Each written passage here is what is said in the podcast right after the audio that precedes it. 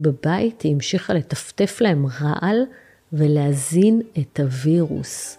פעם בשבוע הם הגיעו לטיפול והתמידו בסירוב שלהם לפגוש את אבא שלהם. ברוכים הבאים לסדרת השורטקסטים שהם בעצם סיפורים מהבלוג שכל כך אהבתם. זה התחיל לפני כמעט שבע שנים. ארבע זוגות חברים, כולם גרים באותו יישוב, כולם בערך באותו גיל, וכשהם נפגשים הם, הם תמיד מעשנים משהו. שותים משהו, אוכלים משהו ובדרך כלל גם מסניפים קצת, בקטנה, להרגשה. אף אחד לא זוכר איך זה קרה, אבל הם מצאו את עצמם באיזה ערב שישי מחליטים לנסות חילופי זוגות, בינם לבין עצמם.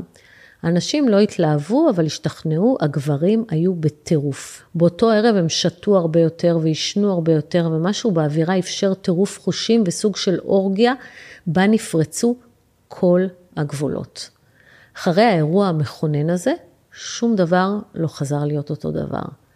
זוג אחד שלא הצליח להכיל את האירוע, התנתק מהחבורה וניתק מגע לגמרי. למעשה, תוך חצי שנה הם עברו לעיר סמוכה, חסמו את כולם בפייסבוק והורידו פרופיל לגמרי, לחלוטין, פשוט נעלמו. שלושת הזוגות שנותרו דווקא התלהבו מהאירוע ושחזרו אותו כמעט כל שבוע כשהם אפופים בחומרים משני תודעה. אם הייתם פוגשים אותם ברחוב, לא יכולתם להעלות על דעתכם. הם אנשים נורמטיביים. הזוג הראשון מורכב ממהנדס הייטק ומזכירה, השני עובד מדינה בכיר ואשת שיווק, והשלישי בעל עסק ועורכת דין פלילית. הורים פעילים לילדים מוצלחים, עם בתים פרטיים וגינות קטנות ומטופחות ברחובות סמוכים באותו יישוב. אצל אחד הזוגות, תצטרכו לנחש איזה מהם, הריגוש הזה שזרם אליהם מהמפגשים הסוערים, רק פתח להם את התיאבון. חיי נישואים שגרתיים שנמשכו כבר 13 שנה ואיבדו את הברק והחשק, הפכו להיות מסעירים, והם רצו עוד מהריגוש הזה. דווקא היא זו שיזמה, והוא תכלס לא התנגד, וככה הם החליטו לפתוח את הנישואים. הם הפסיקו להיפגש עם החברים המקוריים והתחילו לצאת בערבים, כל אחד בנפרד. מראש הם סיכמו שלא שואלים שאלות ולא מערבים רגשות, וככה שנתיים שלמות הסידור הזה הצליח להם. אבל מי שמשחק באש, אתם יודעים מה קורה, בסוף חוטף גבייה, והוא התאהב באווה. אווה הייתה האישה הכי מסירה והכי שונה שהוא הכיר. בניגוד לאשתו החטובה והמטופחת מכף רגל עד שורשי שערה הבלונדיני, לאווה לא הייתה שום שגרת טיפוח. את הטלטלים השחורים היא סירקה פעם בשבוע, לגופה המלא היה, הייתה אישיות משל עצמו, והיא אף פעם לא התאפרה ולא סדרה גבות, והתנהלה בביטחון ובטבעיות, והייתה בעיניו האישה הכי יפה וסקסית בעולם. הייתה שם התאהבות גדולה, ושניהם הרגישו שהם לא יכולים לחיות עוד יום אחד בנפרד. בלי הודעה מוקדמת, הוא חזר מהעבודה, ארז תיק גדול והודיע לאשתו שהוא עוזב. היא הרגישה כבר חודשיים שמשהו השתנה, והיה ברור לה שהוא נמצא בסערה רגשית ולא משתף אותה, אבל אחרי שנתיים של יחסים פתוחים, היא לא ראתה בזה איזה איום על התא המשפחתי. לכן היא פשוט הייתה המומה כשהוא הודיע שהוא עוזב. היא שאלה למה ומה קרה, והוא אמר, התאהבתי באווה ואני עובר לחיות איתה. כמו ילד שמחליף מקום ישיבה בכיתה. באופן תמים או נרקסיסטי, הוא ציפה שהיא תפרגן לו, אבל היא שתקה והלכה לחדר והייתה בהלם מוחלט. הלם ששיתק אותה וחסם את גרונה. פשוט בהלם. אחרי יומיים הוא התקשר וביקש שהם יספרו לילדים ושהילדים יבואו אליו לבית של אווה. הוא ביקש את זה בטבעיות והיה לו ברור שזו בקשה לגיטימית, הוא רק לא לקח בחשבון את התגובה. אתה אתה חי בסרט דמיוני, אמרה לו. הילדים שלי לא ייכנסו לבית של הזונה השמנה שלך. אם אתה רוצה לראות אותם, אתה מוזמן לבוא הביתה. שני בנים היו להם, בני תשע ושתים עשרה, והם היו מחוברים מאוד לשני ההורים שלהם. אבל הם ראו את אימא שלהם שבורה ואת אבא שלהם מאוהב. ואבא שלהם לא חסך מהם את הסיבה לעזיבתו, ואימא שלהם לא חסכה מהם את התחושות שלה, להפך. הם הפכו עבורה לאוזן קשבת ולמשענת קנה רצוץ. בדמעותיה ובמילותיה הקשות נגדו, היא רוצצה את הנשמה שלהם, ובכל פעם שהם שהו איתו, הם הרגישו בוגדים, כמוהו. בוגדים באימא האהובה שלהם שנתנה כל המשפחה, עד שאבא שלהם התאהב באווה ונגמרו החיים. וכל פעם כזאת הרחיקה אותם ממנו, והם הפכו למנוכרים, והתחילו לפתח כלפיו סלידה. בהתחלה היו תירוצים, אחד לא מרגיש טוב, לשני יש פעילות בצופים, וככה הם הפחיתו את תדירות הביקורים וצמצמו אותה עד שהם הפסיקו לבוא, מיוזמתם. אימא שלהם, אימא שלהם לא אמרה להם כלום, היא לא אסרה עליהם לבוא לאבא שלהם, בכלל לא. היא רק החדירה לנפשם וירוס קטלני שגרם להם לראות ענן שחור כל פעם שראו את אבא שלהם, או במציאות או בעיני רוחם.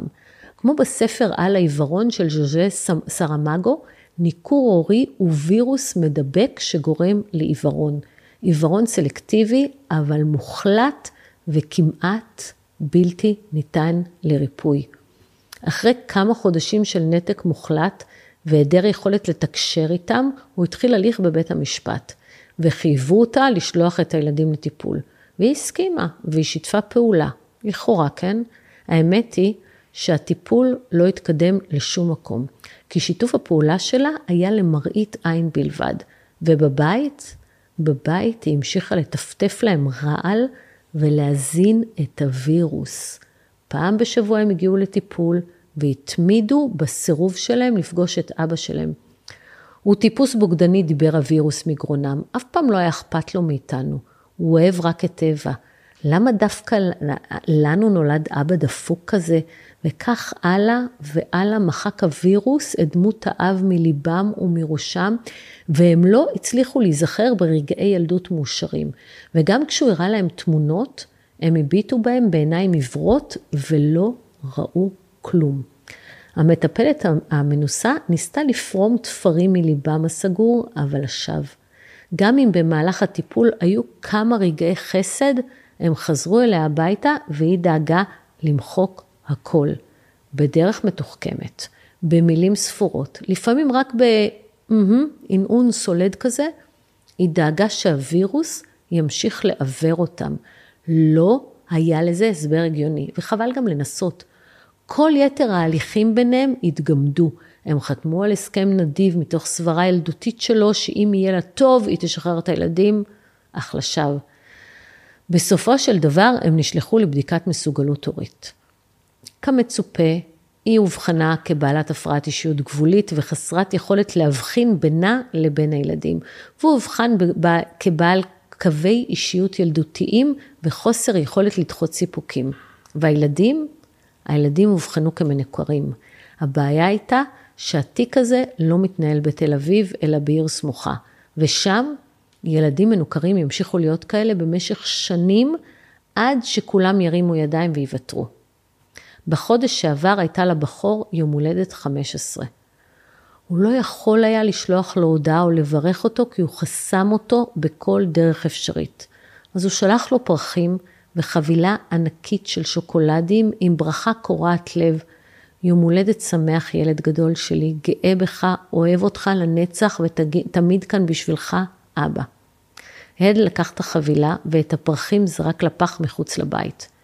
למטפלת שעדיין ניסתה לתפקד, אמר הווירוס מגרונו של הנער, שהמשלוח הזה הוא הוכחה לזה שלאבא שלו לא אכפת ממנו.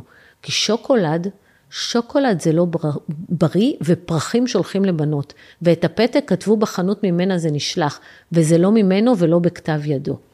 המטפלת מסרה לאבא את המסר ואמרה שאולי היה צריך להתייעץ עם האימא מה לשלוח ולא להפתיע ככה. וההמלצה שלה להתייעץ עם האימא שברה אותו והמחישה את אוזלת ידה של המטפלת שהיא ידעה טוב מאוד שהאימא לא משתפת פעולה בשום דרך. משהו בו נשבר והוא פשוט החליט להרים ידיים. השבוע הוא ביקש להודיע לבית המשפט שהוא מבקש לסגור את התיק. חלפו שלוש שנים מאז שהוא ראה לאחרונה את ילדיו. למערכת המשפט אין מענה לבעיה, והוא לא מעוניין לבלות עוד שלוש שנים מהחיים שלו בהליכים חסרי תכלית, ומבקש להניח לכולם לחיות את חייהם, בתקווה שיום אחד הילדים שלו יתפכחו ויחזרו לקשר איתו. אני תמיד אהיה כאן בשבילם ותמיד אוהב אותם, הוא, הוא כתב, ואני דמעתי. ובבית, בבית היא אמרה להם שההליך המשפטי הסתיים והוא ויתר אליהם. והבנים בכו בלילה במיטה ואחרי יומיים הם פתחו את החסימה בוואטסאפ. הם עדיין לא מגיבים, אבל הם כבר קוראים את מה שהוא שולח להם. המשך? אולי, אולי, אולי יבוא. תודה שהאזנתם לשורטקאסט. אם מצאתם ערך או סתם היה לכם ממש מעניין, אני אשמח אם תעבירו אותו למישהו שיהנה ממנו גם. תודה.